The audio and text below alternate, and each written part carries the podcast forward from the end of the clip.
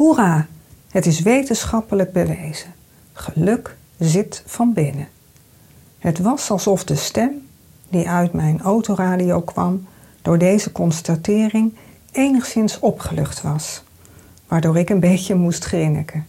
Geluk, tja, wat kan je daar allemaal over zeggen? Welkom bij deze podcast. Mijn naam is Dorrit van Stargate Lichtwerk, waar het hele van je verwonde ziel en hart en een correcte aarding in je fysieke lichaam centraal staan. Fijn dat je luistert. Dat de wetenschap iets pas dan als waarheid erkent, wanneer het door dikwijls intensief en langdurig onderzoek zwart op wit staat, dat hoort bij deze tijd, waarbij het analytisch denken met een dominante brein regeert en bewijzen wil zien, die het hart ons altijd toont, mits we daarnaar wensen te luisteren, zonder gehechtheid aan redenaties. Om terug te komen op het interview, dat geluk, net als overigens alles, in jezelf te vinden is, dan lijkt me zo logisch als 1 plus 1 2 is. En ook iedereen die zich bezighoudt met zijn of haar persoonlijke ontwikkeling, zal het met me eens zijn. We hebben kernkwaliteiten en spiegels en deze twee bepalen samen met onze bewuste keuze hoe we met iets omgaan. Ooit verbaasde ik mij over dit soort informatie. Ondertussen ben ik blij met ook dit soort nieuws. Want het doet er niet toe wie of op welke, al dan niet populaire manier, stukjes waarheid naar buiten komen. En ik zou nog blijer worden wanneer dit stukje zogenaamde ontdekte waarheid in zijn totaliteit belicht wordt. Want daar ontbreekt het op dit moment nog wel eens aan. We leven in een wereld die langzaam met veel gepiep en gekraak, dat zal je met me eens zijn, aan het ontwaken is. Tenminste, daar lijkt het op, gezien het verlangen van de mensen die ook in mijn praktijk komen. En alle hulp van buiten is daarbij welkom, juist ook voor de grote massa, die zich veelal laat leiden door de wetenschap. De interviewer stelde een vervolgvraag, waar ik al op zat te wachten. Want ja hoor, daar kwam die weer. Dus geld maakt niet gelukkig? Nee, geld maakt niet gelukkig, zo liet de wetenschapper weten. Wat een opluchting zeg, zo dacht ik wrang, voor al die mensen over de hele wereld verspreid, die noodgedwongen op straat zwerven, hun kinderen te koop aanbieden omdat de overige gezinsleden honger lijden, hun medicijnen, laat staan hun ziekenhuisopname niet kunnen betalen, die doodgaan omdat de zorgverzekeraar niets vergoedt. Lang leven de crowdfunding. En het zullen al die kinderen gelukkig zijn, die nu niet naar school hoeven, omdat ze onder erbarmelijke toestanden minimaal 12 uur per dag moeten werken. Of zich prostitueren, zodat de hele familie te eten heeft, in schuilkelders wacht, totdat de bommen niet meer vallen, of leven in ondergrondse riolen, met als enige vriend de lijm die ze snuiven. En zeker zullen bejaarden uit diverse verzorgingshuizen niet gelukkig worden wanneer zij het zich wel kunnen permitteren om tegen betaling wekelijks te worden uitgelaten in hun rolstoel. Misschien schrik je een beetje van mijn cynische woorden. Maar is bovenstaande uitspraak van deze wetenschapper niet al te kort door de bocht? Ongenuanceerd? Spreekt hier iemand die zich niet druk hoeft te maken over zijn bestaan? en eventueel die van zijn dierbaren, omdat hij nooit werkelijk lijfelijk heeft ervaren hoe het is om te moeten overleven, eenvoudig omdat de eerste basisbehoeften ontbreken. Het zou waardevol zijn geweest wanneer de wetenschapper meer aandacht had besteed wat geluk inhoudt. je kunt niets bezitten en helemaal zen zijn. Het wordt een ander verhaal wanneer reële zorgen je bestaan als mens bedreigen. Het geluk verdampt en lijden om de hoek kijkt. Omdat bijvoorbeeld je kind in je armen de hongersdood sterft.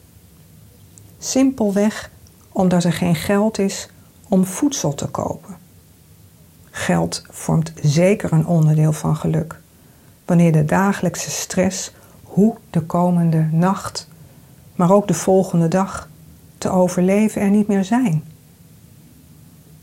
Niet alleen in Verwegistaan, ook dichterbij. Dichter bij ons huis, als jij wellicht denkt, ervaart een ouder geluk wanneer hij of zij in de stralende oogjes kijkt van zijn of haar kind, wanneer de dagelijkse zorgen er eventjes niet zijn. Maar moeten we allemaal per se naar een pretpark of moeten we allemaal per se een nieuwe jas in plaats van een tweedehands jas? Nee, tuurlijk niet. Maar laat het over aan keuzevrijheid. Daar gaat het om. De keuze om iets te kunnen, omdat er geld voor is, als middel, niet als bezit. Ik weet niet of het ons eigen is om vanuit dat Calvinisme ons te troosten dat geld zeker nooit gelukkig maakt. Wanneer we lezen dat iemand die alles kan kopen of zelfs bezit, ongeluk kent. Zie je wel, lijkt een stemmetje vaak te zeggen. Alsof jij je troost met de gedachte: oké, ik heb niet veel, maar degene die veel meer heeft, is ook niet gelukkig. Of ik heb niet veel, maar ik ben gelukkig en tevreden, terwijl de ander stikt van het geld en nog steeds ongelukkig is. Ik denk terug aan een experiment waarin een aantal Nederlanders de uitdaging aannemen een week op straat te leven, zonder geld wel te verstaan. Bleven zij nog verbonden met geluk, wat innerlijk altijd te ervaren is? Het antwoord laat zich raden. Laten we ons realiseren dat geld bijdraagt aan geluk. En wie weet stimuleert dit besef jou om een ander te helpen. Ja, financieel. Door sponsoring, donaties enzovoort. Er zijn enorm veel manieren. Wanneer het leven voor jou geen overleven is, krijgt geluk nog een toegevoegde waarde. We kunnen streven naar innerlijke vrede, geestelijke kalmte en een hele belangrijke, tevredenheid. Dat zijn allemaal eigenschappen van geluk. Dan zit geluk inderdaad van binnen en heeft het nooit iets met geld te maken, omdat je dat al hebt, waardoor je niet gevangen zit in de cirkel van overleven. Dankbaar met je levensomstandigheden van dit moment, in plaats van meer en meer willen, kan je bijdragen aan het geluk van vele minder bedeelden. En juist, en nu komt die toegevoegde waarde, omdat je de ander alle geluk van de wereld gunt. En dan is geld een fantastisch middel. De wetenschapper had een dergelijke aanvulling kunnen toevoegen in zijn interview, maar goed, nu doe ik het in deze podcast. En nog een toevoeging. Wanneer het merendeel van de mensheid het, in de ruimste zin des woords, materieel makkelijker krijgt, bevordert dat hun innerlijk geluk. En dat zal zeker zijn uitwerking hebben op geweld, machtsmisbruik, uitbuiting en al dat gekonkel. Het heeft zogezegd effect op onze hele planeet. Er ontstaat namelijk vanuit een hard gedragen bewustzijn een collectieve verantwoordelijkheid om de wereld een betere wereld te laten zijn. Voor dus alle bewoners en ja, ook voor Moeder Aarde zelf.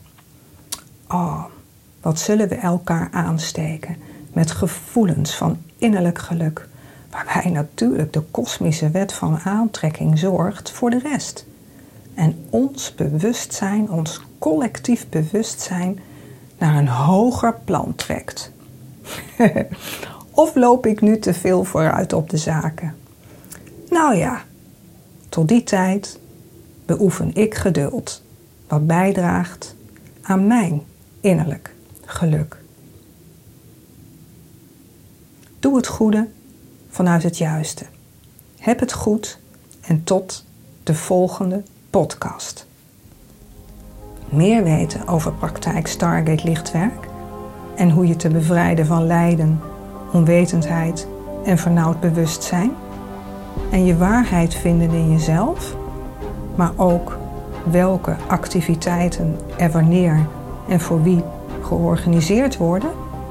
Dit alles vind je terug op mijn website stargatelichtwerk.nl. Je kunt me ook volgen op Facebook onder de naam Stargate Lichtwerk.